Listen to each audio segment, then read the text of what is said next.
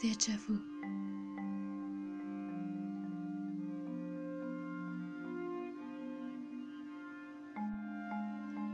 Hasta el déjà más poderoso es vulnerable, quebradizo y bizarro.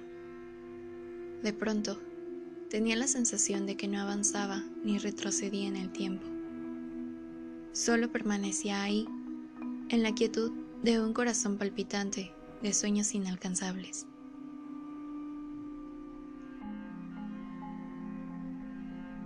Era como vivir variaciones del mismo día, una y otra vez.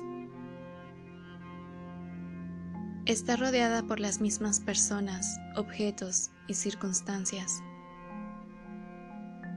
Sabía perfectamente lo que estaban a punto de decir y hacer.